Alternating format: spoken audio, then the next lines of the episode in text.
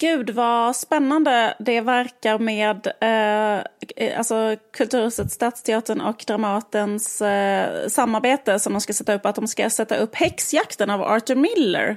Otroligt. Så kul. Jätteintressant. Mm. Eh, det är ju en, alltså Arthur Miller, Arthur Miller, jag kan inte prata. Arthur Miller. Amerikansk förstår vi. Nej, var ju gift med Marilyn Monroe. Mm. Eh, det, det, är liksom bara... Um, han, var, han, var, jag, jag, han, var gift, jag, han var också jag, en författare och dramatiker, eh, alltså typ en, en av de stora berättarna. Jag försöker göra en sån feministisk gärning eh, genom fattar. att bara eh, beskriva honom utifrån vem han var ihop med. Jag vet, men nu har han också skrivit en pjäs som vi eh, vill tipsa om. Mm.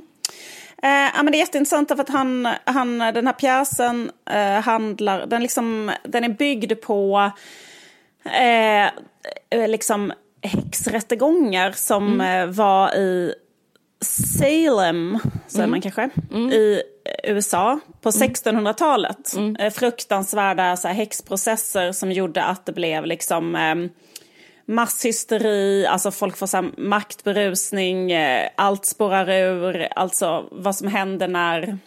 Mm. Eh, det har ju hänt mänskligheten liksom jättemånga gånger i historien. Det är så himla, liksom, det är verkligen intressant att det mm. verkar vara något som bara händer och händer och händer i olika skepnader. Det här att så här, folk eh, går samman i en grupp, eh, ballar ur, eh, tappar omdömet, alltså börjar typ mm. ange liksom varandra sig själv, alltså liksom ja, försöker rädda sig själva och eh, kasta liksom sina närmaste under bussen och allting bara så väldigt, väldigt snabbt eskalerar och ballar ur. Och han skrev den här pjäsen var liksom en allegori över McCarthy-tiden, för den här är ju skriven på 50-talet. Mm. Eh, och då var det ju en sån helt galen så här, kommunistjakt i Hollywood. Som, eh, angivar... Eh, alla skulle ange alla, ja. alla, alla, skulle säga att Fast alla liksom var misstankar om att det fanns här kommunistiska eh, liksom konspirationer i Hollywood mm. och att alla, liksom, typ nästan alla i hela Hollywood var ju på sådana listor liksom. Eller mm. väldigt, väldigt, väldigt, mm. väldigt många var på sådana hemliga listor. Men alltså jag, eh, jag har inte sett den här pjäsen. Extremt peppad på att se den. Eh, och eh, den kommer sättas upp, eh, premiären är 14 september. Det är utsålt då. Alltså, så, grejen är trycket är redan enormt. Det är utsålt både den 14 och den 15. Men sen så finns det biljetter. Och om man är under 26, vilket jag vet att många är som lyssnar, då kan man eh, gå och kolla på den här pjäsen för bara 150 spänn. Otroligt. Och annars är den inte heller så himla dyr är man över 26 har man råd. Gå och kolla på en härlig pjäs. Ja men den är, verkar helt underbar. Det är liksom en, det är liksom så mastig, mustig, 19 skådespelare från både Dramaten och Kulturhuset, Stadsteatern. Eh, det är liksom, ja det, det, är ingen, det är ingen eh, monolog eh, i, eh, eh, alltså på en liten scen direkt. Och sen så är det Alexander Mörk Eidem som är ett jättebra regissör, jag har sett mycket av honom. Och sen så är det för er Juicebaren-fans så är det Karin Frans eh, Sherloff som eh, spelade den gravida i Juicebaren. Hon är wow. underbar. Och Emma Bromé, känd från den senaste Aniara filmen som är så jävla bra. Alltså, alltså det är bara så jävla bra skådisar. Så, ja. Jag kommer gå och se den. Jag med. Vi ses där. Mm. Hej. Hej. Har du bara säga hej? Hej, hej.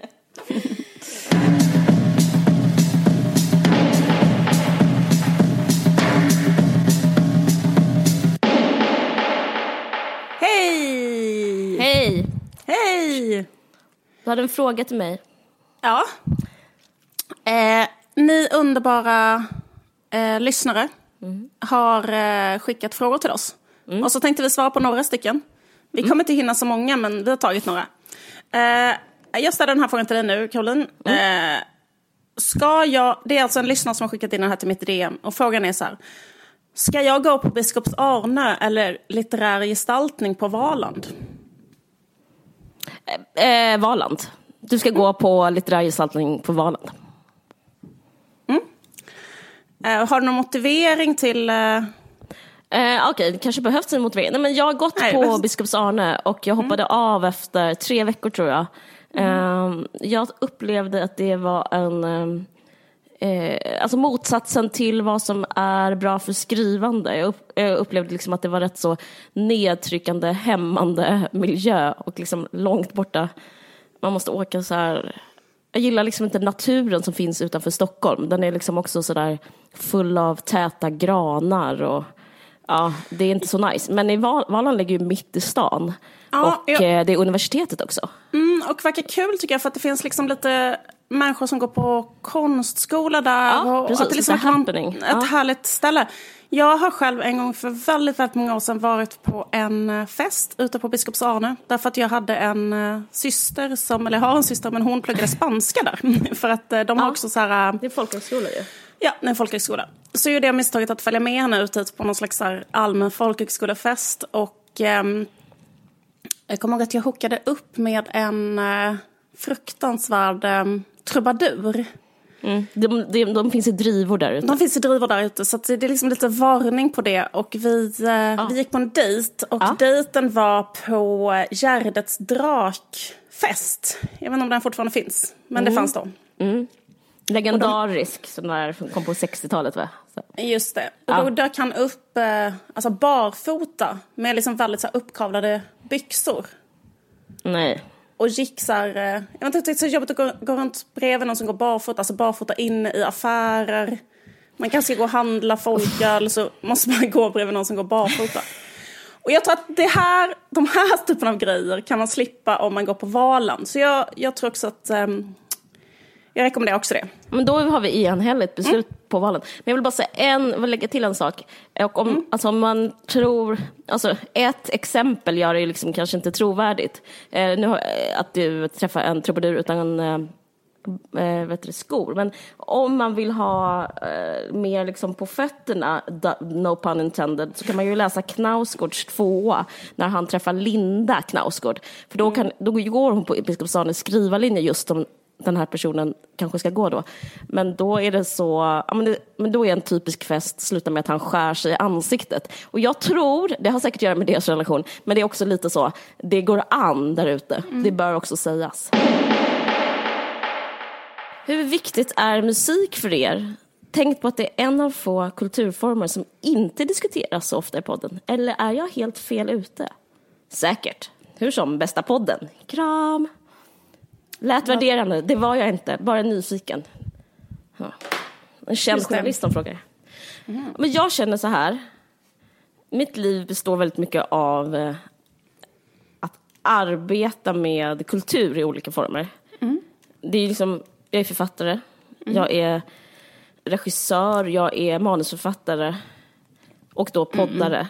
Ja, vi vet, vi vet. Ja, ni vet. Ja. Mm. Men då känner jag så här att uh, det är de sakerna som jag räknar upp nu, de kan jag i livet. Mm. Jag kan exakt bara det och jag kan exakt inget annat. Alltså, jag kan inte mer än så. Nej. Jag tror att jag liksom har någon slags eh, alltså en, en ständig, liksom, ska säga, en hundraprocentig, om man har en hundraprocentig typ energi eller kreativitet eller intresse kanske man ska kalla det, så det inte låter så pompöst, så har jag liksom lagt mitt där och jag har inte mer. Det summan är redan... Alltså det finns inte mer i den här uh, potten, så att säga. Nej, så jag, jag, jag, jag, jag, håller med om det. Att för min del så det får inte plats vid musik. Och jag lyssnar nästan aldrig på musik och det är lite pinsamt men jag, jag har bara liksom nästan uh, valt bort det av praktiska skäl. Typ. Varför, varför pratar aldrig du om musik i podden? Alltså det är nog tyvärr samma sak att jag liksom inte... För jag hade en... Jag lyssnar på musik ibland. Mm. Men eh, inte alls lika mycket som jag gjorde liksom när jag var tonåring. Då lyssnade jag på musik hela tiden. Mm, verkligen. Uh, alltså var helt besatt av musik. Och, ja, men det var typ 90 eh, procent av ens identitet. Ja. Och att man också liksom ja. så hade en freestyle och gick hela tiden och lyssnade på uh, musik. och hade det som en um, jätteviktig uh, känslomässig alltså spegling och så. Kommer du ihåg det? Mm, när det var så? Mm, mm, mm, alltså att man var ledsen och då lyssnade på en viss låt. Och typ, eller man var glad och då... Alltså, ja men det var liksom det amplifier, det var en förstärkande ja, av sina egna känslor. Exakt. Men det är också det som är jobbigt tycker jag. Att mm. man orkar inte känna så mycket hela tiden kanske. Nej. Man kanske ja. när man är också så här, i den åldern, i mm. liksom... tonår, då liksom är det så mycket att man håller på så mycket med sina känslor. Eller så jävla, Mm. liksom så här. Men det kan ibland kännas som att musik är som nästan en för stark Ja. drog, om man ska säga. Att man liksom Mm, bara så är det. så här, orkar inte ta det. Alltså det är samma sak som att mm, jag orkar inte dricka sprit till exempel när jag är ute. Utan kanske dricker något som är svagare för jag orkar inte bli så... Mm, Gå hela den vägen liksom. Ja, exakt. Nej men så är det verkligen. Jag håller på att välja låtar nu till vårt dop, till vårt barns Mm. dop. Och då så är det, det är också, det är en sån jävla resa bara Mm. att liksom, jag bara liksom, tårarna bara rinner. Mm. Du skickade ju en låt till mig, liksom, jag kan ju inte lyssna på den, det bara, tårarna bara rinner hela tiden. Alltså, det är så nästan inte kompatibelt med att ha ett liv att lyssna på Nej. musik. Eh, Man måste typ vara tonåring där man, eh, eh, där det får plats att eh, ha den här berg och dalbanan liksom i en sekund bort hela tiden. Precis. Men, och sen så gillar inte jag att ha musik på i bakgrunden. Nej. Eh, Jag tycker liksom att det bara är så här jävligt störigt och jobbigt. Så när jag lyssnar på musik så vill jag liksom eh, att det bara är det. Alltså inte att man pratar samtidigt eller, Nej. eller så. Utan att man, att man eh, typ lyssnar och dansar och typ har kul. Men så typ om du har en middag hemma, har du mus- inte musik på då till exempel? Alltså grejen att så ibland kan jag ha det bara för att jag, att bara av skälet att jag tänker att det är kutym. Ja, precis. Mm. Eh, Men då gör jag det bara för att jag, alltså egentligen vill jag inte ha på musik. Nej. Men jag gör det för att jag tänker så här. Man kan hålla på lite musik. Har du på musik i bakgrunden? Exakt samma skäl. Alltså jag vill helst inte det, men Nej. i och med att jag inte vill framstå som eh, ett freak på något Ja, sätt ja. så har jag liksom en eh, normal musiklista på, fast det är inget Mm. jag vill, utan det är för att ja, men inte bli utstött i sammanhanget. Liksom. Ja. Men däremot kan det vara en eh, pargrej att hålla på med, eh, att lyssna på musik. Nämligen typ att när man har eh, en, eh, typ, man är med sin kille, eller mm. behöver inte vara hans kille men det kan vara, kan vara till exempel. Att man är full, man sitter och dricker tillsammans. Sen börjar man spela låtar för varandra typ. Det, det tycker jag är kul. Det är ett kul sätt att eh, lyssna på musik tycker jag. Ja, Men varför gör man det? Är det för att man vill visa något fint? Eller vad? Ja men då är det för att det om? förstärka känslor. Alltså typ Ah, att man ald- bara så här spelar mer och mer eh, riktigt sjukt, riktigt sjukt fet musik. Du vet Ja. att man vill spela bättre och bättre och bättre låtar. Mm. Eh, det är ju väldigt, väldigt underbart. Men då tycker jag att man ska liksom koncentrera sig på att bara göra det. Mm. Men sen är det också att jag har liksom en, en väldigt, jag vet inte så jättemycket om musik och jag har så en jävligt kass, Nej. eller liksom jag, jag har liksom inte en så bra, där, fast jag ska säga så här, vissa människor pratar om musik fast de inte vet så jättemycket om musik. Men jag menar jag har inte heller så intressant eller jättebra musiksmak eller så. Alltså till exempel, eller för sig, jag vet Nej. inte vad fan. Men, säg Ja, men det, det, helt ärligt, menar, vilka, det är det jag menar, liksom, att eh, Ja. jag har inte heller det, men, Nej. men jag har liksom ah, varit tvungen att inte ha det och därför blir det så himla konstigt att eh, göra anspråk på det. För jag, det jag gör anspråk på eh, känner jag att jag håller på med och liksom eh, eh, vrider och vänder och letar och söker. Mm. Jag vet. Och, och när Och jag inte gör det liksom- med musik känns det lite nästan, nästan pinsamt att man bara det känns ytligt tror jag, bara ikläda sig den hatten också, bara lite på, lite for kicks. Alltså det, Ja, ja, ja, precis. För jag tror också liksom att så här, eh, precis som litteratur, att man kan Ja. säga bara fan, eh, det finns liksom vissa böcker som alla människor, eller som ingår i en slags litteraturkanon. Sen finns det liksom, alltså förstår vad jag menar. Eh, man man kanske har läst Anna Karenina av Tolstoj, alltså om man är litteraturintresserad eller någorlunda. Sen finns det så här, är man ännu mer intresserad, då har man läst, alltså fattar du menar, kanske hans texter om eh, icke-våld. Eller alltså, så finns det något annat där eh, som inte den vanliga Tolstoj-läsaren har läst. Men typ är man, är man intresserad så har man liksom satt sig in i ett ämne så mycket så att man... Alltså, eh, liksom, man ha och- och- läst boken Masha om hans, eh, om hans dotter. Ja, då kanske man läser om det här svenska tjejen har skrivit. Det, det tycker inte jag är... ja. Men, eller, men så här, typ att det är ett arbete där man liksom Mm. går, går in djupare och lär sig mer och mer och att det, Mm. och det tar väldigt mycket tid. Sen undrar jag också så här, hur fan pratar man om musik överhuvudtaget? Alltså på ett intressant sätt. Mer än att lyssna, alltså uppmana någon att lyssna på låten. Jag tror att det finns, i och med att du och jag inte vet det så Nej. vet vi inte heller hur. Liksom. Exakt. Men säger man så här, "Eh, lyssna på den här basgången. Eller typ så här, den här basgången var det första i sitt slag. Är det sånt? Jag vägrar, jag vägrar, vägrar göra mig lustig över det här i och med att jag kommer, de kommer ju verkligen slå mig på fingrarna. Alltså, Ja, ja, det, här, ja. det här kan ju inte ens vi skämta om. Nej, precis. Men eh, för en, sak, en, en sak som jag faktiskt, eh, Mm. för, för just det där med att så här, hitta så här, men fan det här är faktiskt en skitfet låt. Mm. Kan inte vi börja med, vissa underbara poddar har ju en slutlåt. Kan inte vi börja med det? Och då kan Jo. vi ha en låt i slutet som bara är så här bra. Och gud vad kul. Vi kan turas om, till exempel så bara, idag tar jag en som jag tycker är bra, sen nästa gång kan du ta en som du tycker är bra. Sådär. Som man bara kan rekommendera. Absolut. Eller tvärtom att jag börjar, nej jag skojar, du får börja den här gången. Nej, nej, jag, bara- jag, bara- Skämtar sa inte det så. Jag ska bara. Nej men du, nu kommer jag okej. på en sak också vad det är. Det kan också vara självförtroende. För jag känner så här, eh, jag har inget självförtroende. Men nu när du sa den här grejen, då, det, då, känner, jag, då känner jag mig glad och eh, eh, lätt i hjärtat för att jag äntligen ska få tipsa om fantastiska låtar. Så det är väl också det att jag inte tycker att jag har rätt att säga något. Men det här är ett sätt att smyga in. Ja, perfekt, vi gör det. Absolut. Men jag vet inte heller någonting med men däremot så känner jag att jag så här, alltså mina relationer till låtar, eller vilka låtar jag tycker om och så, det handlar alltid nästan om texten. Så det Ja, gud, ja skulle man ju också kunna, egentligen, det är faktiskt ett ämne som man kan prata om. Fast grejen är att I beg to differ, att vi aldrig har pratat om det, för vi har faktiskt haft, till exempel både du och jag, tycker ju väldigt mycket om Bob Dylan och vi hade ett helt avsnitt som handlade om Dylan och då pratade vi faktiskt om hans texter. Och samma sak har vi haft ett helt avsnitt som handlade om Håkan Hellström faktiskt. Och då diskuterade vi också just så här, hans texter och, och så här, eller hur?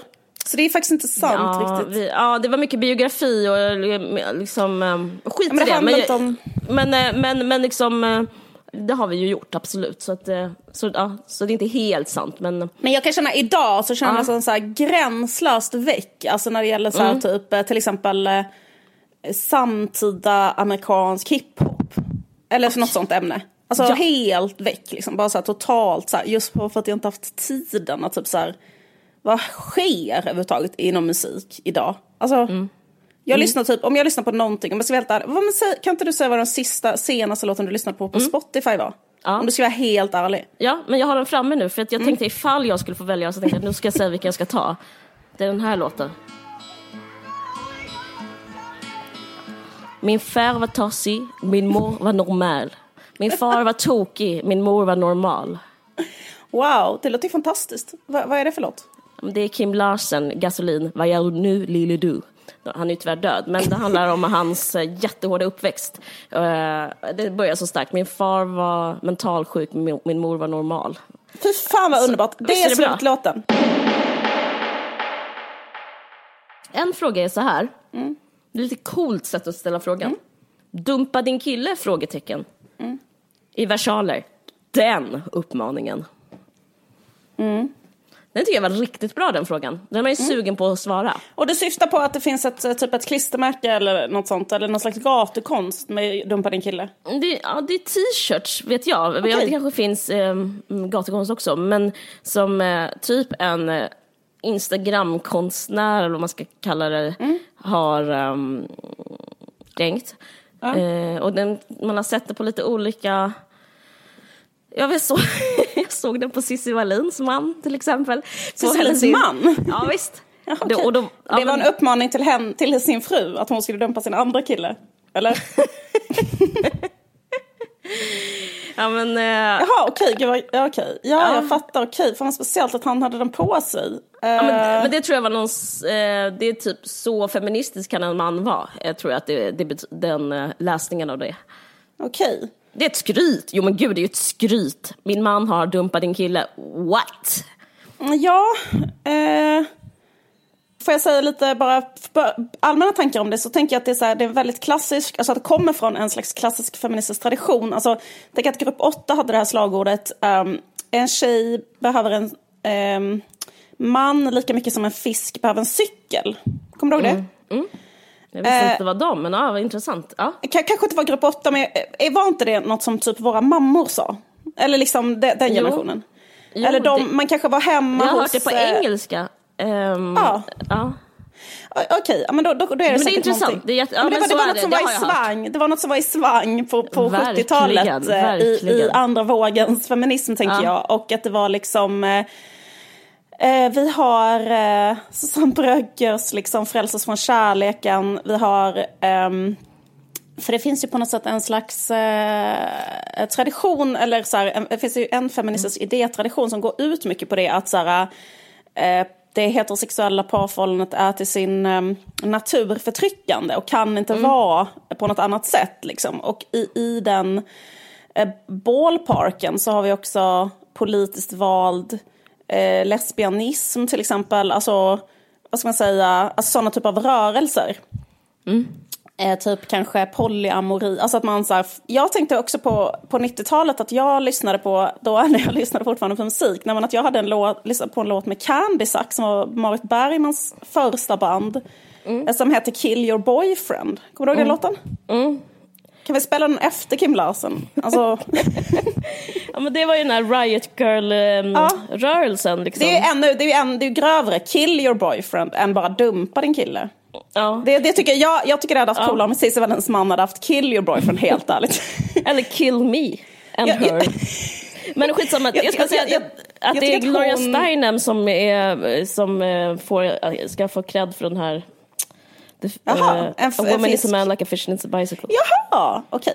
Okay. Uh, men vad jag skulle säga som jag tycker liksom LOL, det är uh. LOL med uh, feminister och uh. inkluderar mig själv i det. Att um, jag tycker att det är så himla, himla tydligt att feminister alltid liksom teoretiserar. Alltså för att, sen finns det vissa feminister som teoretiserar kring att det är bra att vara ihop.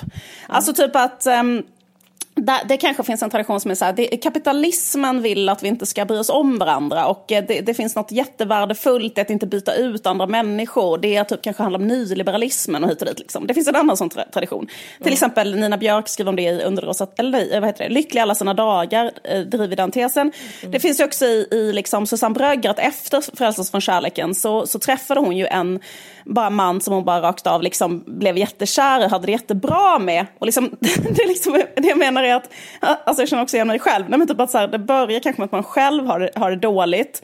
Och då säger man så här, nej men skilsmässa om man ska göra slut och sånt. Och sen, så sen, sen kanske man träffar någon, då har man det bra. Och då efter det teoretiserar man kring att så här, nej men det bästa är att man ska vara ihop och hit och dit. Och så har man liksom en jättelång politisk teori. Du är väldigt um, mycket sån, det är jättekul. Ja men exakt. Och, och typ, mm. jag tänker på Happy Happy, alltså typ att Maria Sveland teoretiserade kring så här, det är jättebra att skilja sig, typ alla borde göra det. Eh, för att så här, kanske hon eh, var på en plats där hon ville skilja sig. Och då när man själv är på den platsen när man vill skilja sig, då blir man så himla peppad och bara fan vad rätt. Jag, jag, tänker att de feministerna som är för liksom, skilsmässa, kanske de som bara hade, har, eller när de är ett förhållande som är dåligt. Och sen de som är mot det är när de helt plötsligt är ett förhållande som är bra. Då är man plötsligt så här, är inte det här eh, liksom eh, slit och släng-samhället, att vi applicerar det också på våra mänskliga relationer mm. och så vidare. Beskriver ja, man en sån bok? det i podden också. Ja. men jag har tänkt lite annat. Alltså det som är, är jag, två saker. Det ena är med den här grejen att um, det känns, alltså jag har två, um, eh, två analyser av det. Mm. Dumpade kille, mm. som är som, vad ska man säga, eh, en tag eller liksom mm. eh, som nästan som en PR-grej som mm, Marabou eller I'm loving it. Mm. Det känns så jävla ute. Köp inte såna. Det är bara ute nu och eh, det kommer komma något annat. okay. Så eh, om ni vill vara typ urbana och eh, framkant så, så är det över. För att, eh, det finns vissa såna Skulle du säga attribut. att det har varit coolt? Det var mega coolt och saker som är mega coolt. Eh, typ två år sedan så var den liksom okay. kittlande kul tanke, mm. dumpa en kille var förbjudet. Det var liksom samtidigt som Girls Who Run the World. Alltså det var lite så här, det var när t-shirt-konst, eller när t-shirt, feminist t-shirts eh, ja. tryck. Eh, ja. Alltså feminismen eh, var ju väldigt stor på t-shirts ett tag. Ja. Eh, och Men är då... inte det ännu, sedan, ännu längre sedan? Och, alltså, jag menar, var inte det fruktansvärt pinsamt när Acne hade feministiska tryck på sina t-shirts för typ men det var, Jo men det var en annan sak. Jag okay. menar mer liksom en, en t-shirt-feminism som var i värmen. Som var okay med Beyoncé och Who, ja. Who Run the World Girls och typ eh, Pussy Power och typ... Mm. Eh, Futures eh, Female var ju Fittan ska ha sitt och allt vad de heter. Jag skojar, den finns inte. Men vet du det? Hur ja, som helst. Ja men det var intressant, ja, det var din första ja, tanke att det var ute. Ja. Ja, mm. Första tanken är att det är ute. Så mm. att om man vill ha, eh, ur liksom en estetisk, bara helt grafisk, mm. visuell synpunkt mm. så söker till nya saker. Jag tror på abstrakt konst nu för tiden och jag tror även det kommer göra sig uh, i, uh, jag sett det på flera ställen, alltså det kommer även komma igen i modet. Alltså Gud vad typ, fint, vad ja, vackert. Vad, vad för slags abstrakt konst? Alltså kubism, uh, Miro? Nej, absolut, det är inte, inte? Nej, nej, nej, nej. Utan mer abstrakt konst som att man, man inte ser konturer, man inte ser, alltså mer faktiskt åt Monet. Det är ju okay. 90-tal, det var okay. även inne på 90-talet när man hade det hemma. Uh, impressionism på t-shirts, oh ja. 90-talet är även inne i inredning och det går liksom allting bara liksom en helig cirkel av eh, 90-tal, pastellfärger, aprikos. Ja, där mm. får inte en slogan plats, så Nej. att säga. Nej. Uh, ja, tack, så... det var bra. Det var intressant uh, modesynpunkt. Men vad, vad, vad har du mer för synpunkt? Uh, men andra synpunkt mm. är en annan sak som går emot lite vad du säger. För jag, mm. om man inte tolkar det biografiskt som en, att en feminist Eh, och jag vet att du raljerar, eller lite eh, skämtar, så jag, men om jag måste ändå ta avstamp. Om man inte mm. tolkar det som att feminister eh, utgår från sig själva och sin biografi så mm. har jag tänkt på just den här grejen med ensamhet, vänskap och förhållanden.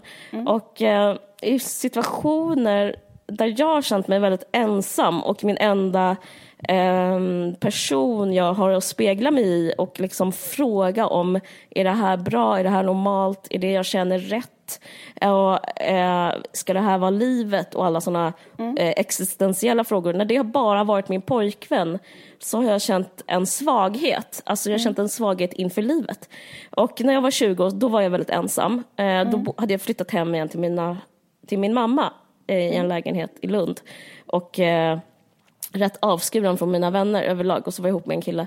Eh, så jag träffade bara honom och min mamma. Men det jag gjorde var att läsa engelsk litteraturvetenskap på universitetet och då läste jag Simone de Beauvoir faktiskt, eh, Det andra könet. Mm. Och då fick jag en eh, slags dumpa din kille eh, bön, kan man säga, genom att läsa henne. Och mm. det tycker jag inte är som Maria Sveland eh, Happy Happy skiljer utan det handlar mer om en slags djupare förståelse för eh, hur destruktivt så här, heterosexualitet och eh, den typ av förhållanden kan vara. då kände jag... Alltså Simone de Beauvoir borde ju ha dumpat sin kille. Ja men precis, och det var därför hon, hon skrev, eh, jag ska inte redogöra för hela boken, men hon, det, en sak som stannade hos mig var så här, väldigt förenklat att hon istället för att solidarisera med sin man kan man solidarisera med kvinnor. Det är ju lite biologistiskt, att vad är då en kvinna? Mm. Men skit i det, bara acceptera mm. det. Mm. Och det fick jag en aha-upplevelse av. Mm. Att det finns liksom andra typer av allianser mm. än med sin kille. Mm. Och om man tänker att dumpa din kille är en Metafor, om ska säga. Metafor, liksom ett nedkok. Alltså, ja. om det är en, en raffinering av hela eh, det andra könet som är titta upp, titta dig omkring. Alla, alla kvinnor i um, förstäderna, de bor i varsitt hus.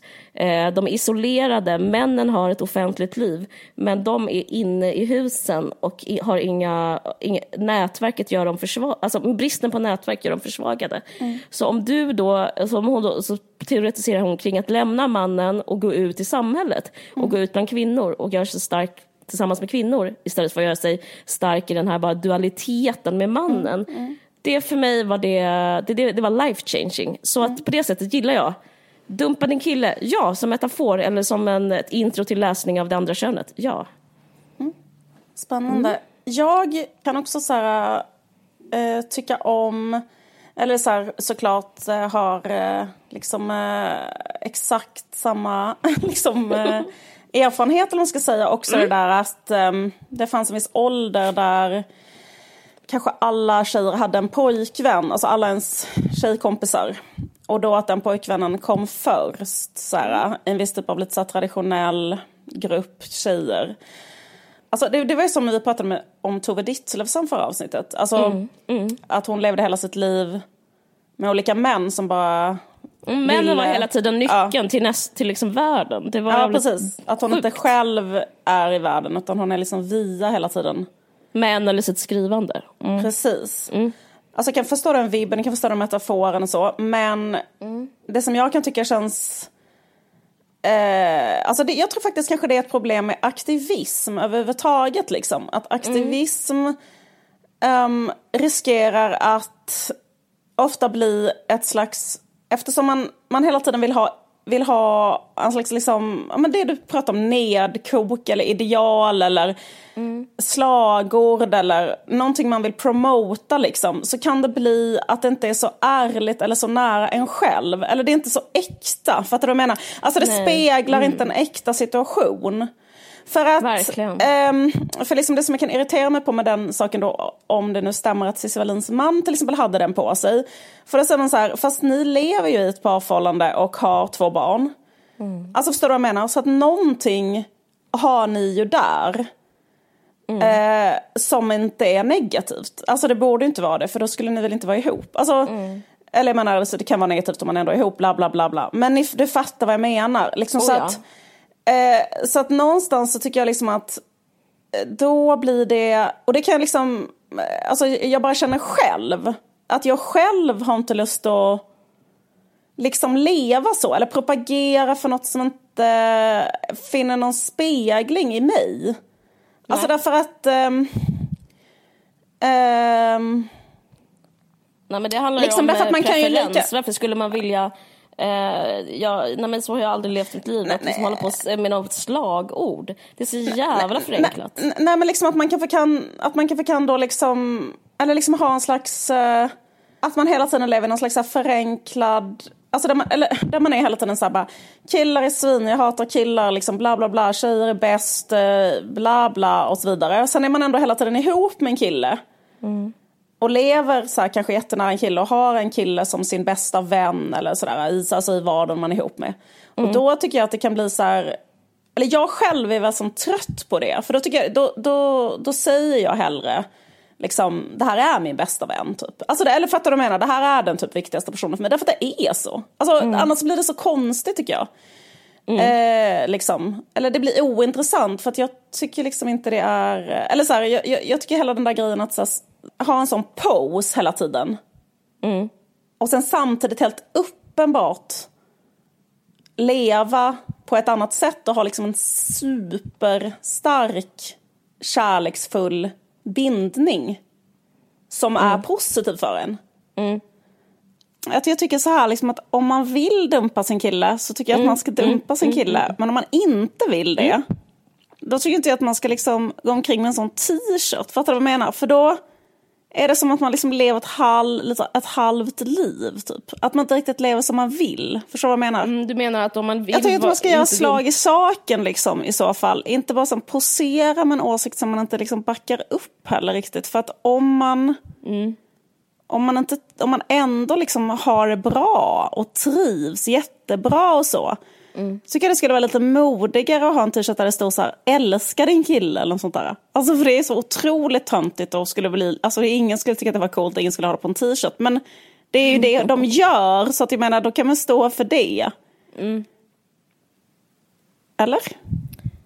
Ja, men jag tänker att jag inte ska svara nu. jag svarar. Nej men, jag, men nej, jag bara tycker det är så konstigt att du har det på så mikronivå. Det är ju en makrofråga. Det är väl det de är, tänker jag. Ja. Det de försöker säga det här, man behöver inte vara ihop med någon för att ha ett bra liv. Jag tror det är mer, jag tror liksom det finns undertexten intressantare. Men det är självklart, men framförallt det största argumentet mot är ju att det är väldigt otrendigt att ha sådana t-shirt tryck tycker jag. Men, men det stod i The Guardian idag att women are happier without children or a spouse. Alltså, mm. det finns en sån jättestor undersökning som har gjorts bla bla bla bla bla, mega stor. Och så, eh, de har så bra självförtroende så att de säger så här, ah, jag skulle kunna ge dig tusentals eh, statistik och data här.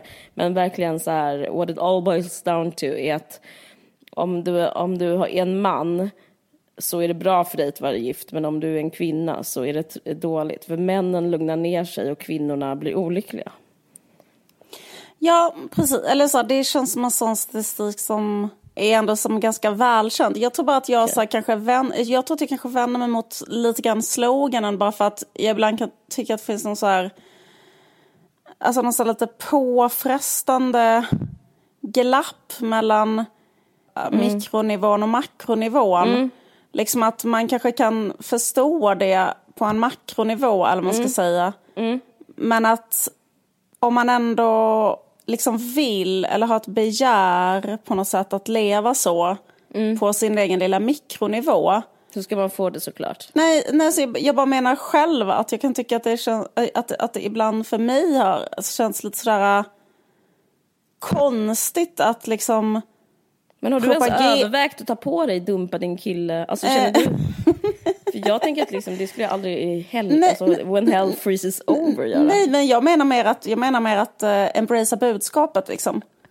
Ja. men så här, förstår du vad jag menar? Typ att det kan finnas så här, liksom, typ en cool jargong feminister emellan som är så här, fuck din kille, bla bla bla bla bla. Och sen så är mångst människor som säger så, så finns det alltid människor som lever i så här, jättelyckliga parförhållanden med en kille. Förstår du vad jag menar då? Jag förstår, alltså det är som en urban leg- legend för jag har aldrig varit Aldrig hört någon säga det, aldrig varit i en situation, aldrig sagt det själv. Nej men alltså jag menar inte att säga exakt dumpa din kille men du fattar vad jag menar. Människor som är emot heterosexuella parförhållanden på grund av att de är förtryckande mot kvinnor. Men du är så snäll mot mig nu så du bara mm. jag, vill inte, jag vill inte skjuta ner ditt... eh, Nej, nej precis. Men jag skulle säga en annan sak. Vet du faktiskt vad, jag nu ska säga en positiv sak om det som jag verkligen tror, mm, alltså som är positiv också med t-shirten. Att eh, när man funderar på om man ska dumpa sin kille eller inte, då är man ju väldigt så här, eh, man tittar hela tiden efter tecken, eller hur? Typ att Ja, man är så här, oh, ja, Eh, så alltså, är allt, allt man håller på med, så att Mm. det går inte så här försöka förstå så här, bara, och, så, och, så, och sen händer det och det betyder att jag ska göra det eller det betyder att jag Mm. inte ska göra det, bla bla bla bla. bla. Och om man då, eh, sådana människor som håller på liksom att tänka hela tiden, ska jag dumpa min kille eller inte för att de kanske har ett dåligt förhållande eller så här, de kan inte bestämma. Och sen åker de förbi bussen och utanför på busshållplatsen står det någon med en dumpa din kille t-shirt. Mm. Alltså, det, det, det lär ju eh, leda till att jättemånga gö- dumpar sin kille. För att man är så här, eh, så jävla new age när det kommer till sådana grejer. Ja, det, det stämmer. Mm, det är roligt. Så på det sättet är jag för. Hej, eh, tror ni på riktigt att jorden ska gå under? Vad är det för mening med att tänka så? När jag är rädd kan jag inte tänka så bra. Eh, tack för en bra podd. Ha det great. Jag Du tror får, att, du får börja ta den här tycker jag. ja, exakt. Men grejen är att jag tror att jag sa att eh, i förra podden så här, ja men jorden kommer ändå gå under eller något liknande. Men grejen att det var lite slarvigt uttryckt därför att eh, alltså planeten jorden kommer inte gå under. Men förlåt, men alltså grejen är så att jag blev faktiskt... Ja, det är roligt Nej, vad som alltså, ska komma nu. Ja. Nej, men så här, jag, eh, jag, jag blev faktiskt ganska glad när jag, när jag förstod det. För att ehm, Alltså jag tror att så här, eh, men alltså för det som, bara, det som skulle kunna hända då, om man inte gör någonting åt klimatförändringarna, vilket eh, inte görs då eftersom det hela tiden ökar istället utsläppen av fossila, alltså fossila bränslen. Då ehm, kan det bli så att eh, planeten blir liksom otjänlig för människan. Men däremot skulle det kunna uppstå andra livsformer. Alltså jag menar att det, alltså efter människan då så, eh, så kan det liksom börja bo eh, alltså något annat i. Alltså efter, efter liksom att då kanske det är, det har ju varit sådana andra epoker som inte människan hade kanske kunnat leva i heller. Alltså när det har varit mycket, mycket, mycket varmare. Ehm, och, eh, och sen har det varit att det har varit mycket, mycket, mycket kallare, typ att det har varit istid och så. Men om man tänker sig att så som det ser ut, liksom, om man bara tittar på fakta. Jag menar inte att det ska hända så här jättesnart eller så, men jag menar det händer ju ändå nu redan. Eh, har det ju redan börjat med att det finns klimatorsakade eh, väderfenomen, alltså vi har Mosambik och så vidare. Och så att det så att liksom det som, liksom jag, jag tror ändå liksom att ehm, att den, så att säga, insikten att det är liksom så. Alltså att... eh, Fast man blir rädd. Ja, Som- precis. För att så här, jag tror att liksom, så här, hur, hur, man än, hur man än vrider och vänder på det så tror jag nästan att man måste bli rädd för att förstå att man kommer behöva göra väldigt stora förändringar. Eh, och om man inte blir rädd så kan, vill man nog kanske inte ändra någonting liksom. Nej. Jag Eh. känner igen mig lite i han som skrev frågan, eller hen Mm. menar jag, eh, som skrev frågan. Men, eh, du ändrade det. nej men grejen är för att det finns någonting med, eh, att när man har den insikten om jordens Mm. undergång. Eh, eller mä mänsklighetens kanske då. Eller så ja. risken för att Risken ja. för att det blir så, så varmt det, så att det, människan kan bo. Det är, men paralyser, det är paralyserande. Mm. Och, eh, jag vet att du har haft det några gånger, men jag, jag hade det också härom, härom, här förleden. Där jag eh, nästan som att eh, någon jag älskar fått ett cancerbesked. Alltså, eller någon, mm. eller liksom, det är som att eh, det, det, är väldigt svårt tycker jag. Det är svårt att förstå. Han frågar väl hur ska man tänka? Eller, för det, eller kanske jag som frågade. För hur, hur tycker du man ska tänka för att, för att klara av det då? Eller liksom klara av den här insikten?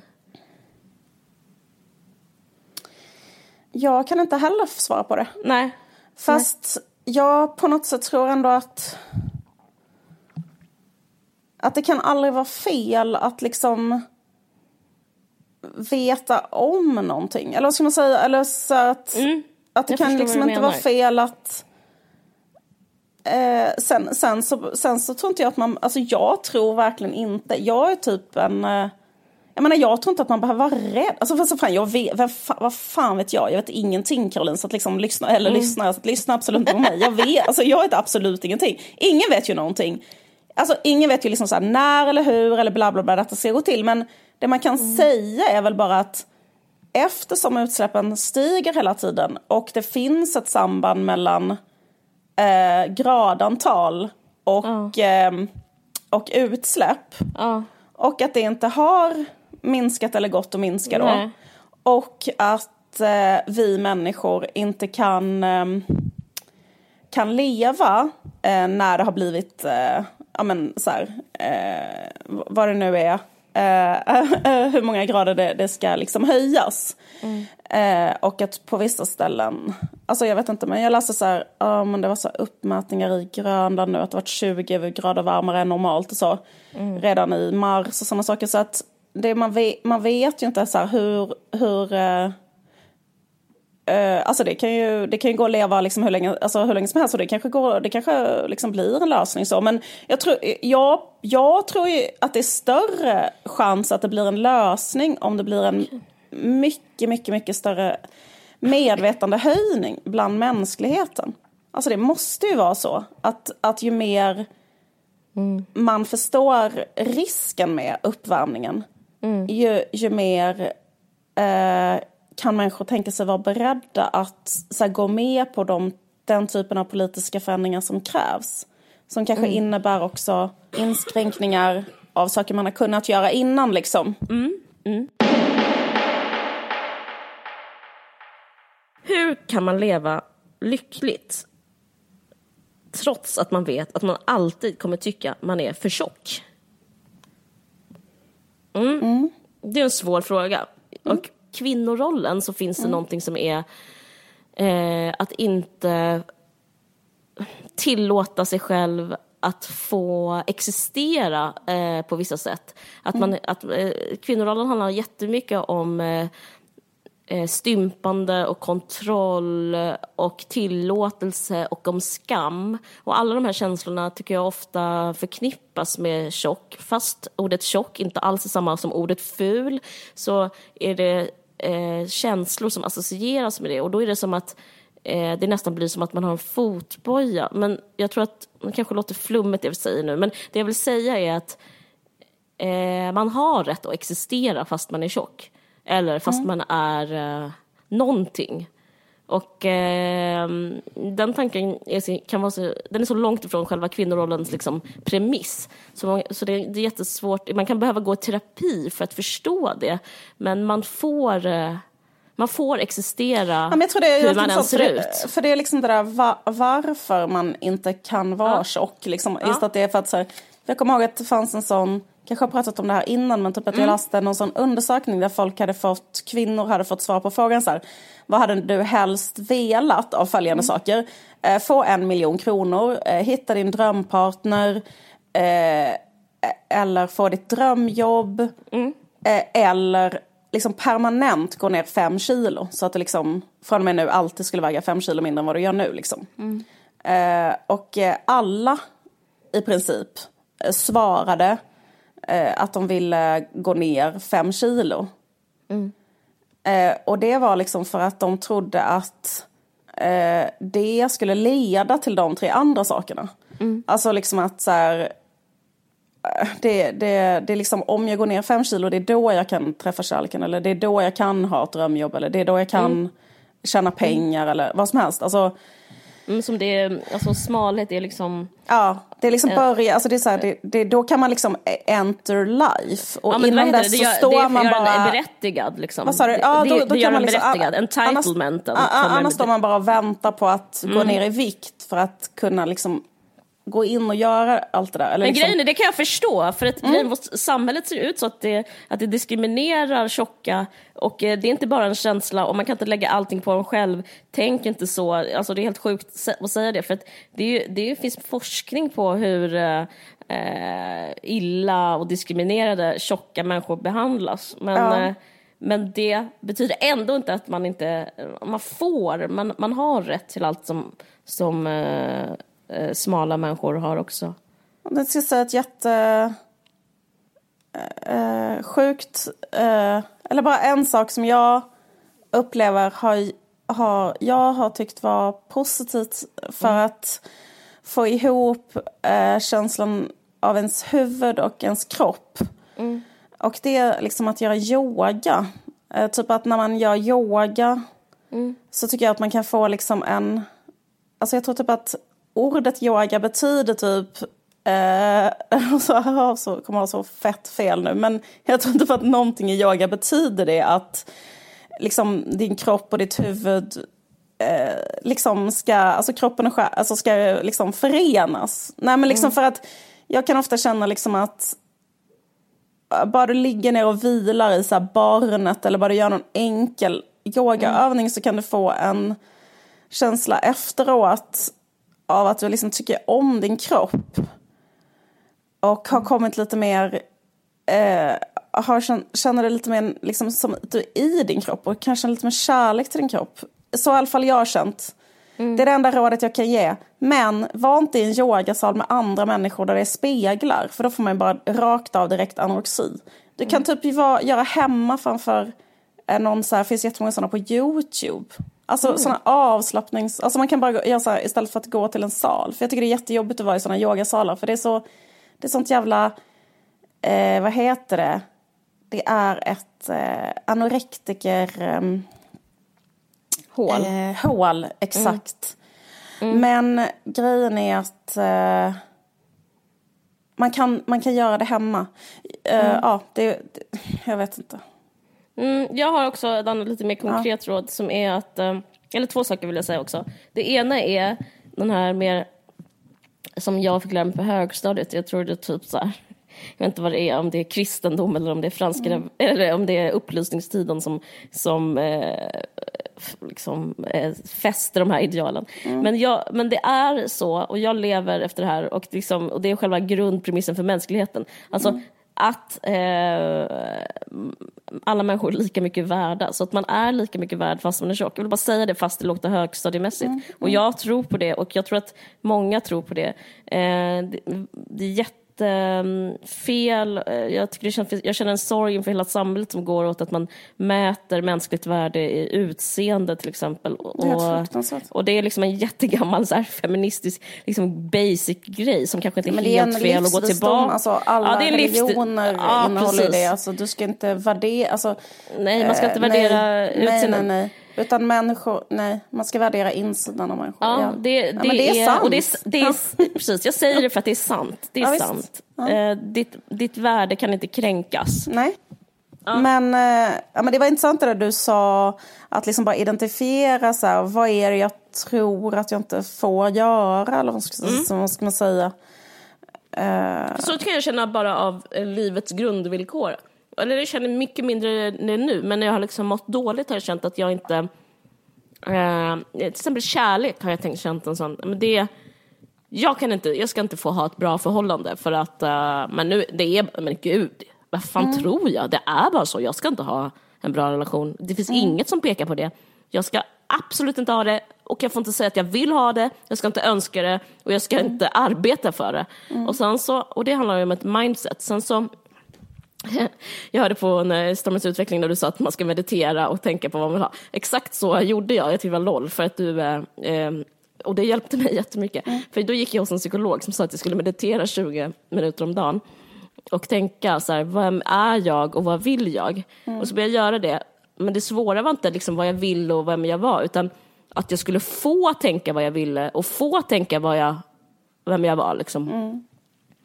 Uh, det hjälpte mig väldigt mycket. Så sånt kan man också göra, sånt som inte ens handlar om utseende utan bara, bara ens tankar och önskningar och, och liksom se vad det leder en att, att, våga, att våga vilja saker. Jag tänker på det där med att många människor tycker att det är något fel på deras utseende. Och mm. att när man ser, alltså ibland när man ser det hos andra så kan man bli lite inspirerad till att strunta i det själv. För att mm. eh, man kan ju fokusera på någonting på en själv som inte är så fint. Mm. Men man kan också, eh, alltså förlåt för det här låter så jävla, jag får be om ursäkt för detta idiotiska jävla veckovinspaningen som jag kommer med nu. Men alltså, om man har något företräde, man har ju något, alla människor har ju något. Typ har du något jättevackert hår, du kanske har en jättevacker näsa, du kanske har några vackra ögon, vad fan det nu är liksom, fina händer, något, något skit liksom. Den här personen känner ju att hon, nog, att hon inte har något liksom. Tror du verkligen det? För det skulle ja, kunna vara så att hon tänker så här, jag är tjock men jag har i alla fall, typ, fattar du vad jag menar? Ett par jävligt schyssta rätter typ. Alltså, så skulle det kunna vara. Så känner man ju inte om man känner så. Då tror jag, då tror jag man känner så här, jag, varför ska jag få leva? För att jag är ju bara för ful. Kolla hur tjock jag är. Ja exakt, men jag bara menar att så här, Alltså typ mm. att jag lyssnade på Bianca Ingrossos mm. podd och då höll de på att prata jättemycket. Jag tänker så här, hur Bianca Ingrosso ser ut. Mm. Uh, och då pratade hon jättemycket om det, att hon hur det kändes för henne att hon hade så himla dåligt självförtroende uh, mm. över saker med sin kropp och att hennes kille, att hon blev så himla ledsen för att men typ, om hennes kille hade likat en bild på Instagram på en tjej som hade stora bröst så blev hon, så var hon jätteledsen och kände att hon liksom inte dög för honom, att hon inte var tillräckligt snygg för att hon har små bröst till exempel eller så. Mm. Uh, jag bara menar att så när man betraktar, tittar på någon annan som har den typen av resonemang så mm. kan man bara titta så här, aha men uh, liksom, då kan man se det lite utifrån. Förstår du vad jag menar? Typ att se så här, oj, det är någon människa som liksom förstör hela sitt liv med tankar som är helt mm, felaktiga. Mm, Förstår du mm, vad jag mm, menar? Okay, ja, jag fattar. Exakt. Ja, så är det. Eh, liksom att, så här, och det tycker jag ibland kan hjälpa. Att när man ser någon annan göra vad man själv gör så blir man så här, mm. men herregud, det där är helt sinnessjukt. Mm. Va varför, alltså att vara sin egen värsta fiende på det sjuka sättet, när det redan finns en massa hinder där ute för en. Varför ska mm. man då själv förstöra? Alltså mm. förstår du vad jag menar? Alla chanser att vara lycklig eller liksom att så här, inte känna sig... Alltså, det, det är ju liksom, nej men så här, att, att, att, att det kan bli så här, något, något sätt att, att tänka att så här, nu för, för fan, liksom i alla fall själv, liksom inte vara så här sinnessjuk mot mig själv. Mm. Det tycker jag är bra, ett bra råd. Har ni blivit mer konservativa med åren? Mm. det var en kul fråga. Mm. Jag skulle vilja svara ja och nej. Uh, men uh, jag... Uh, jag tycker så här, alltså, typ att någonting händer när man är... När man har blivit... Kommit så till typ mitten av livet, eller ungefär, som kanske jag är nu. Mm. Och då liksom kan man se så här livet så här bara, oj, allting som har varit och sen så bara det som är kvar. Mm. Och att man ser mycket mer, eh, jag vet inte om du gör det, men jag vet inte om jag har börjat göra det också för att min pappa dog. Men jag tycker att sen han gjorde det så har jag mycket, mycket, mycket mer börjat se på livet som att så här, det finns en, alltså där är ändstationen. Alltså typ att jag har den ändstationen i sikte hela tiden.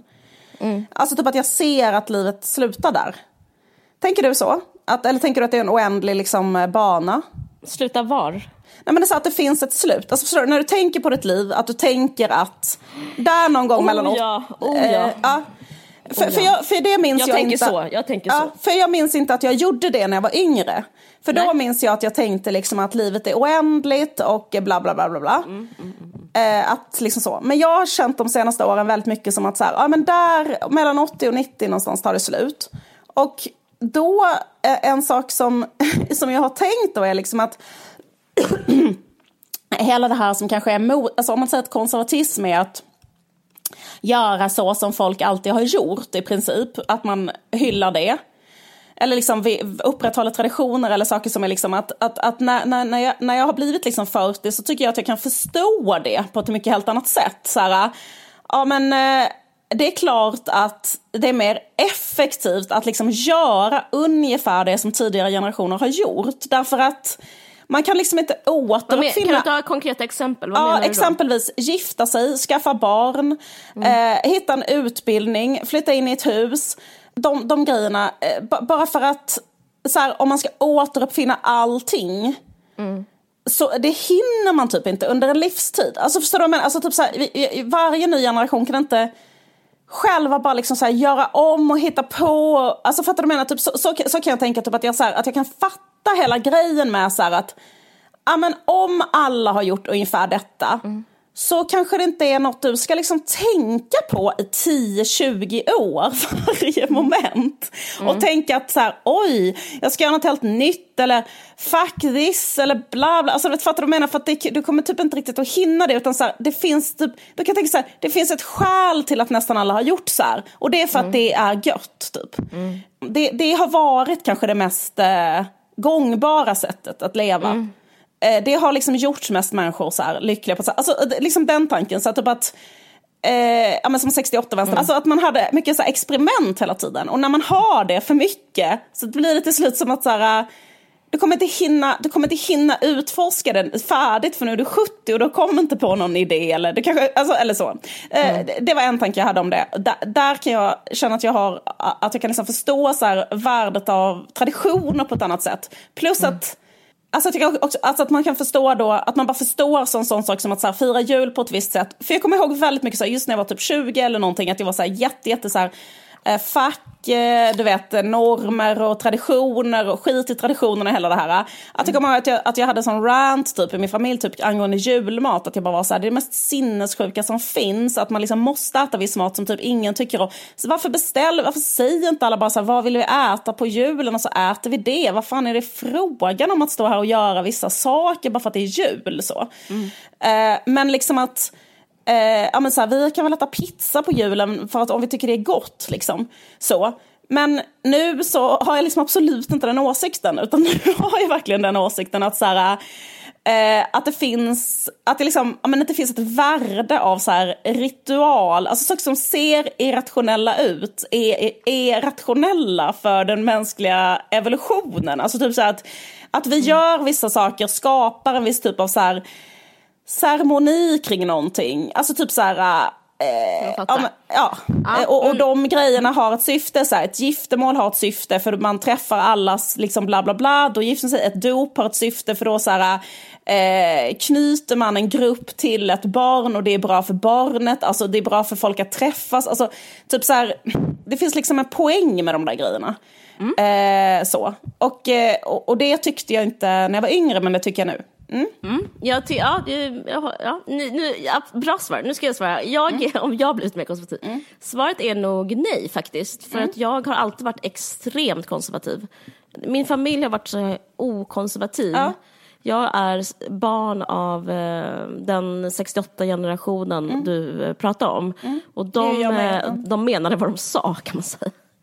Så min mamma och min pappa har alltid gjort val som varit väldigt eh, utmanande och eh, väldigt i clinch med eh, det traditionella kärnfamiljslivet, för de mm. levde väldigt mycket så och det var en del, dels tyckte de så själva men de speglade ju också trenden då som var väldigt så här mm. fuck this.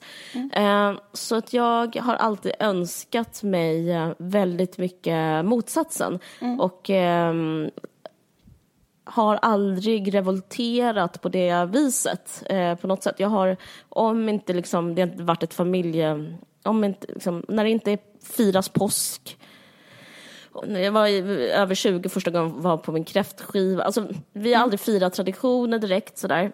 Men eh, jag har styrt upp det alltid själv och liksom mm. försökt dra ihop ett påskfirande, eh, målat ägg, köpt ris, eh, köpt julgran, Um, mm. Och så fortsätter jag nu också. Men Ehm, det är också något jag ärvt från min pappa, för han är också lite dubbel i det att han eh, har, han är väldigt konservativ och tycker man ska äta typ alltid med eh, alltså väldigt så här god, gott bordskick, tre rätter, mm. eh, tygservett typ när man äter och sånt där. Och så är min mamma också, att det är så, ro, det är så loll att de, de, de har gjort allt det här men de är väldigt, vissa saker tror de bara är normalt. Det gör ju alla, typ att man har mm. linneservetter har vi alltid mm. haft till exempel. Eh, så det har jag kvar också. Men, men det som har förändrats, och, och, och jag, jag, tror att det finns en poäng, jag har alltid varit avundsjuk på de här familjerna som firade jul och hade sina tider. Mm. Eh, men jag tror, och jag tror det finns en poäng, som du säger, för det håller ihop Eh, det håller ihop liksom um, själva ramverket. Mm, mm. Men, uh, och jag upplever att det finns en lyx, en slags expandering av världen, att vara så konservativ. Att ta, liksom, det är som att plocka mm. russinen ur kakan, mm. liksom, att liksom, turista i borgerligheten eller liksom, um, appropriera borgerligheten, mm. eller vad man ska säga, eller bara vara borgerligheten mm. kanske. Uh, jag ska liksom inte tro att jag är något mindre än jag är. Mm. Och eh, intellektuellt kunna kanske få röra sig i icke-konservativa tankegångar. Jag hatar konservativ politik och mm. det har jag gjort. Eh, eller jag menar, det, det, så, så det, på det sättet är jag inte konservativ. Ja, men, men exakt, för det finns ju, vad ska man säga, för man kan ju säga att ja. det konservativa i de mjuka frågorna, det är de vi pratar mm. om nu. Sen finns det de hårda frågorna som är de ja. ekonomiska frågorna och då mm. Är jag absolut inte konservativ och har blivit mindre och mindre konservativ och är ja. nu mindre konservativ än någonsin. Alltså, eh, Samma jag tycker inte jag yppar ju inte allt jag säger, jag, jag, alltså, jag är mega galen. Liksom. Jag, jag, tycker inte att the one percent ska äga allt på jorden om vi säger så. Vi kan stanna vid det. Jag, jag, delar din åsikt att the one percent inte ska äga allt jorden. Ja. Eh, men, eh, men, det kanske inte konservativa tycker, men konservativa tycker ju som att äganderätten ska vara kvar. Alltså, så de tycker inte att det är fel att någon har eh, alltså tjänstefolk eller att liksom, vad ska man säga, det, det liksom hela den biten. Och, och, nej men de är, eh, nej, ja, men, men, men, men så, så, så, på den biten, på den biten Ja, radikal är, i tanken men ja. extremt eh, konservativ i eh, liksom, det lilla livet. I det lilla livet. Mm. Eh, och en annan sak som jag tänker på som jag, jag måste mm. bara erkänna, ja, jag har blivit mer och det är att jag, innan så var jag fattig och nu så är jag rik. Alltså man, mm. globalt sett så ja, jag är en rik människa. Och då så då, då, är det lätt att vara konservativ. Alltså då är det lätt mm. att till exempel ha stek på söndagar. Mm. Och det måste jag rekommendera, en sån konservativ grej till exempel. Mm. kan jag faktiskt ha ett tips, ett konservativt mm. tips. Att, som vi brukar alltid göra, liksom en riktigt god jävla söndagsmiddag. För då känns det mm. som att söndagen, ni vet söndagsångest. Mm. Då är det som att söndagsångest eh, inte finns. Mm. Då, då, är det som att söndagsångest liksom är bara, eh, och det är den där mysiga dagen vi kommer äta så himla gott. Typ så. Så, så... Ja, men det är det jag menar, att, så här, ja. att, att det finns någonting med alla de där grejerna som är så här, mm. har funnits en poäng. Alltså, alltså, mm. Eller så här, när man inte, alltså, jag tänker också bara sådana saker som absolut inte, alltså, när, när jag gick i skolan då mm. eh, bad vi alltid morgonbön i skolan. Alltså, mm. Det här är, låter som att det är väldigt länge sedan men det var så, fanns väldigt gamla lärare och så mm. neg vi bockade alltid för eh, fröken och sånt där när vi skulle säga hej och hej då och sånt där. Men en, en sån sak som att man börjar varje dag med att ha en liten stund i stillhet, eh, knäppa händerna, säga tack, så här, tänka lite på Förstår du vad jag menar? Det är inte mm. fel. Alltså det är inte fel. Det är, det är, inte det värsta man kan göra mot barn. Att låta dem så här, få en liten stund när de bara samlar sig. Ja men förstår du vad jag menar? Alltså det är liksom så här, men det låter ju så här, som att säga, oj det är fel. Men, men sen ska jag säga en annan sak. Eh, eller, och då kan jag tycka så här, just den här, hela den här grejen att så här, ja vi gifter oss men skitsamma, vi hade jeans, vi bara gick in, vi gick ut. Så blir man så här, men liksom om ni då hade tillfälle att stå och fucking stirra på varandra, klä upp er, säga till varandra att nu mm. i, ja, nu jävlar är det allvar? Nu lovar vi varandra inför alla människor vi känner att vi två tänker vara ihop tills döden skiljer oss åt. Det är ju någonting annat liksom. Och då blir man så här, för det kan ju finnas en poäng med den ritualen. Alltså, jag menar att det kan finnas en poäng med den ritualen som man kanske inte fattar då. Liksom, att man är så här, nej men det spelar ingen roll. Så här, ja. mm. Men jag tror det mm. gör det. Det spelar jättestor roll. Ja. Eh, men, får jag säga en annan sak om det här med, för jag var väldigt, väldigt, väldigt, väldigt liksom okonservativ när jag var ung. Mm. Jag vet inte vad motsatsen heter. Väldigt, väldigt radikal. Fuck eh, allt liksom. Mm. Eh, men också liksom de idéer, för då kommer jag ihåg så här, att vi hade liksom lärare som sa så här, homosexualitet är en sjukdom. Mm. Alltså, eh, förstår man? Alltså liksom hela grejen att vara så här, fan, eh, vi, jag tycker att eh, eh, liksom, det ska inte finnas en heteronorm eller, alltså det, det var ju som radikala åsikter på den tiden. Mm. I den här lilla kontexten, den byn där vi växte upp liksom. Ja men gud, ja men de delar ja. jag fullständigt och jag ja. fortfarande. Såklart. Ja men såklart. Ja. Men jag bara menar att många av de sakerna som man tyckte då och var så här, eh, fuck de här jävla eh, gamla liksom eh, inskränkta idéerna. Så här, mycket av det som man har liksom approprierades liksom av makten. Mm. Och liksom att också så här, det har vi pratat om väldigt mycket med så här, feminismen, att de var så här, väldigt feministisk på den tiden. Mm. Och att, men att feminismen har approprierats dels av kapitalismen väldigt mycket. Mm. Och dels av, och liksom alla de här sakerna, jag tänker sätta upp en sån person som, eh, alltså att Alltså sådana, sådana människor som är liksom då progressiva med röster eller så, som är sådär antikonservativa progressiva röster idag. Typ sig såhär Maxida Märak eller någon sån person. Liksom att hon sitter på high-five Alice Bah Kuhnke. För Alice Bah Kuhnke tycker exakt samma sak som henne. Men hon har liksom suttit i regeringen och är en minister. Så de menar alltså att det finns liksom ingen skillnad mellan dem.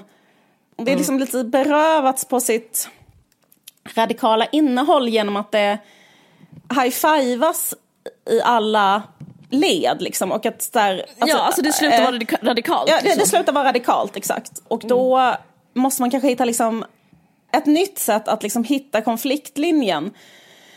Eh, där det är så här, ja men eh, vi tycker inte samma sak därför att så här, eh, vad ska man säga, kärnan i eh, radikalismen det är så här att eh, liksom makten ska liksom dra åt helvete, eller förstår du vad jag menar? Alltså det är typ så här, Så är det. Eh, så därför så kan liksom inte eh, H&M gör en reklam där de använder feminister som, som eh, är med i reklamfilmen och säger feministiska slagord och sen ska man, fast liksom kontentan är att man ska så här, konsumera kläder.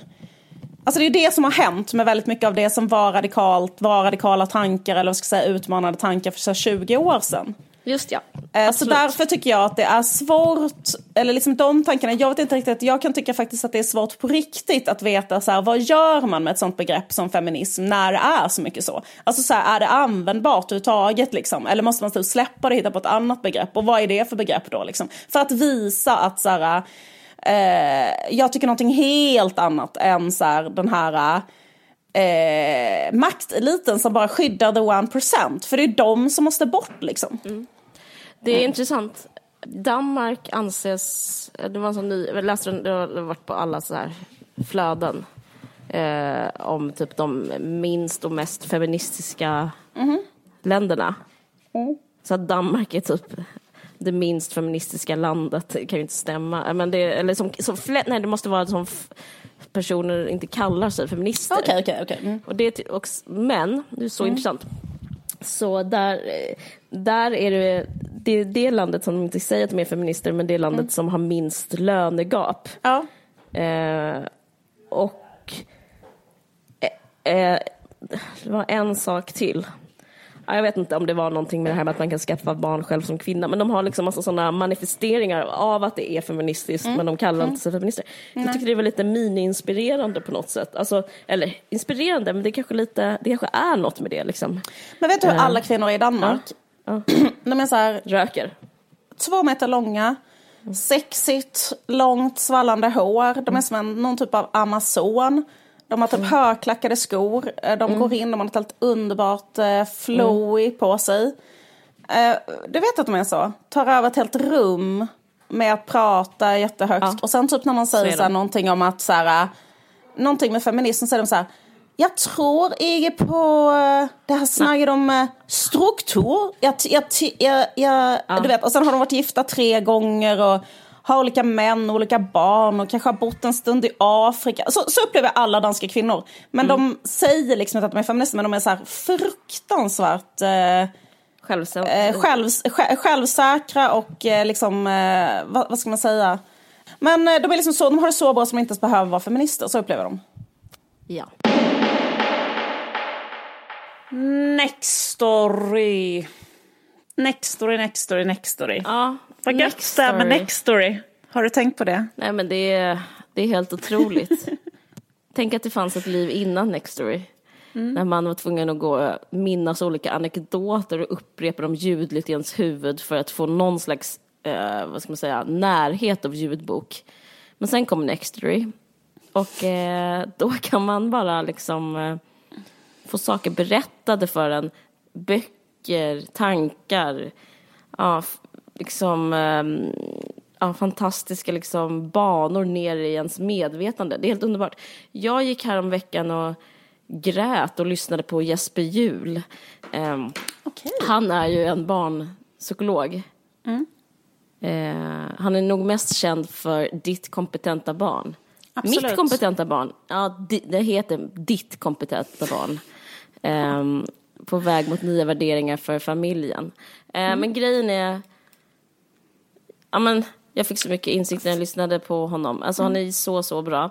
Eh, och eh, jag rekommenderar alla att, alltså även folk som inte har barn, att lyssna på den här boken. Eh, det handlar liksom egentligen bara om relationer och, Ja. och sådär. Mycket om att bara vara, alltså, vara en människa typ. Ja, verkligen. Eh, Jag är lite intresserad. Jag tycker det blir så gött att det är... eh, Alltså, så det skulle- skulle skönt att blir sommar. För jag tänkte Mm. liksom att då tänker man alltid att man ska ha tid att läsa, eller hur? Eh, Man behöver inte packa med sig en massa böcker Mm. Nej. när man ska på semester. Utan det räcker att man har ett Nextory-abonnemang. Det är det jag menar. För då kan man ju Ja, liksom... precis.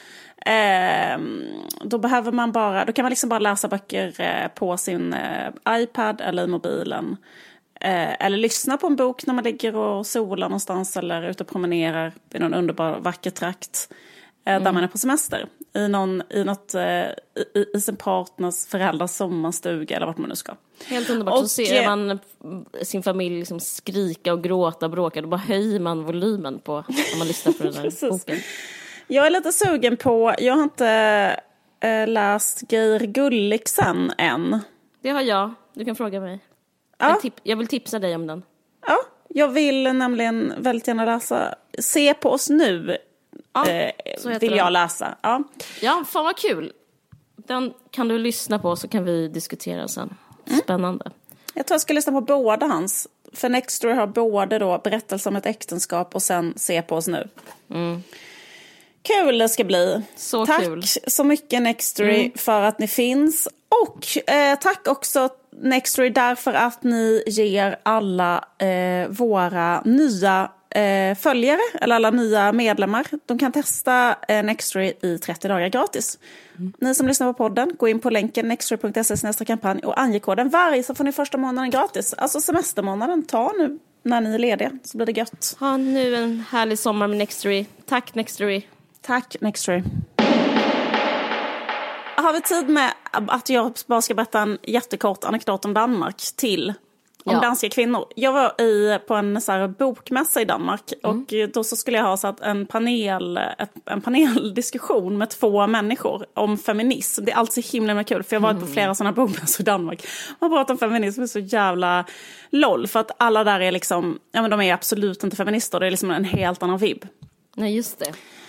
Eh, så att det var till exempel, en gång var jag i en panel, det här är i och för sig två år sedan eller någonting, men då var det till exempel i panelen var så här, Danmarks enda manliga feminist var i panelen. Och då var liksom hela USPen var så här, han är man och, håll i er, wait for it. eh, han är feminist. Då var han den enda liksom, eh, han var- Danmarks enda manliga feminist. Men hur som helst. Mm. Men nu var jag i en annan panel och då var det liksom, just det var så här, en kvinna som var exakt en sån här dansk kvinna som vi pratade om, som var typ en sån helt så fruktansvärt välklädd, liksom, eh, liksom högrest på något sätt, så här, så liksom, eh, enormt liksom så säker intellektuell kvinna, klädd i något, liksom, något fantastiskt eh, sjok av någon så här, dansk, dansk kvalitetsmaterial. Eh, och, sen, och hon satt på min ena sida och på min andra sida satt en dansk man som också var så typiskt för en, en viss typ av dansk man som bara är så här, eh, han vägde kanske, eh, alltså kanske, jag vet inte, 180 kilo. Fast kunde inte bry sig fucking mindre, fattar du vad jag menar? Kanske långt hår i en hästsvans, några liksom, alltså verkligen så här har bara druckit en lille till frukost, lunch, alltså middag, liksom en Tuborg, alltså druckit så mycket Tuborg så att liksom, alltså du vet bara, eh, utan att, att bry sig det minsta, alltså totalt oängslig. Slayed. Eh, vad sa du? Han slöjade liksom. ja, jag fattar. Och eh, lollade åt feminism. Alltså tyckte bara att femi- vad fan är feminism? Båda de två var ju liksom, vad ska man säga, mot feminismen. Och sen i mitten satt jag och så skulle jag ha liksom en, en eller mot och mot, men de var liksom så här, Var det, de var intellektuella, eller så vad fan gjorde de där? Alltså, vad, ja men de skulle ha en, de, var de de, skulle typ liksom, så, jo- journalister eller, eller vad var de? Vad jobbar de med? båda var liksom, det, tjejer, kvinnan var journalist och Mm. mannen var någon form av eh, kanske serievetare eller något liknande. Ja. Men han var liksom eh, bara en god person. Mm. Då, för att han, han utstrålade självsäkerhet. Oängslighet. I alla fall så var det att vi sitter där och vi ska diskutera feminism. Då är, han liksom, då är liksom ingen av dem är ett enda dugg spända över det ändå. För det är som dansk stämning. Det är hygge. Det var ett hygge, exakt. Så började det hela med att det är så här, ja nu ska vi diskutera feminism, hö, hö, hö, så här. Och sen så eh, ska jag öppna min, eh, eh, vad heter det, mitt eh, sån här eh, mineralvatten som hade en skruvkork. Och då eh, orkar inte jag öppna, vad heter det, korken. Den sitter så himla hårt. Så då lämnar jag den automatiskt till den här mannen eh, som öppnar den och bara eh, släpper ifrån sig ett asgarv och säger så här, det börjar ju bra. Alltså att kvinnor inte ens kan öppna sin egen kork. Jag fattar. Ja, är, den, är den slut där? Ja, sitter den, den höll inte. Jag tror det skulle hända någonting. Den håller. Men... Den håller. Men jag, men jag satt bara tänkte på, för, för det gjorde du också när du var på... Är det lite av din gimmick? För kommer du ihåg när du var på Lilla Drevet så gjorde du exakt eh, på livepoddar på Kinateatern så, Ja. så kunde du inte heller öppna ditt vatten. Nej, Okej, det hade jag helt glömt. Och då bad du Ola. Är det, är det Det någonting du, du, du ser hos män? Det är gulligt. Alltså jag bara är väldigt svag. Ja. Du var väldigt, väldigt svag. Alltså det är helt sinnessjukt att inte kunna öppna en sån loka typ. Ja men det är sexigt. Tycker du det? Ja. Ska vi lyssna på Kim Larsen nu? När vi har Mm, den här ska vi göra. dansbestämningen? Ska vi komma till stämning? Jeg kom til verden på sal Min far var tosset, min bror var normal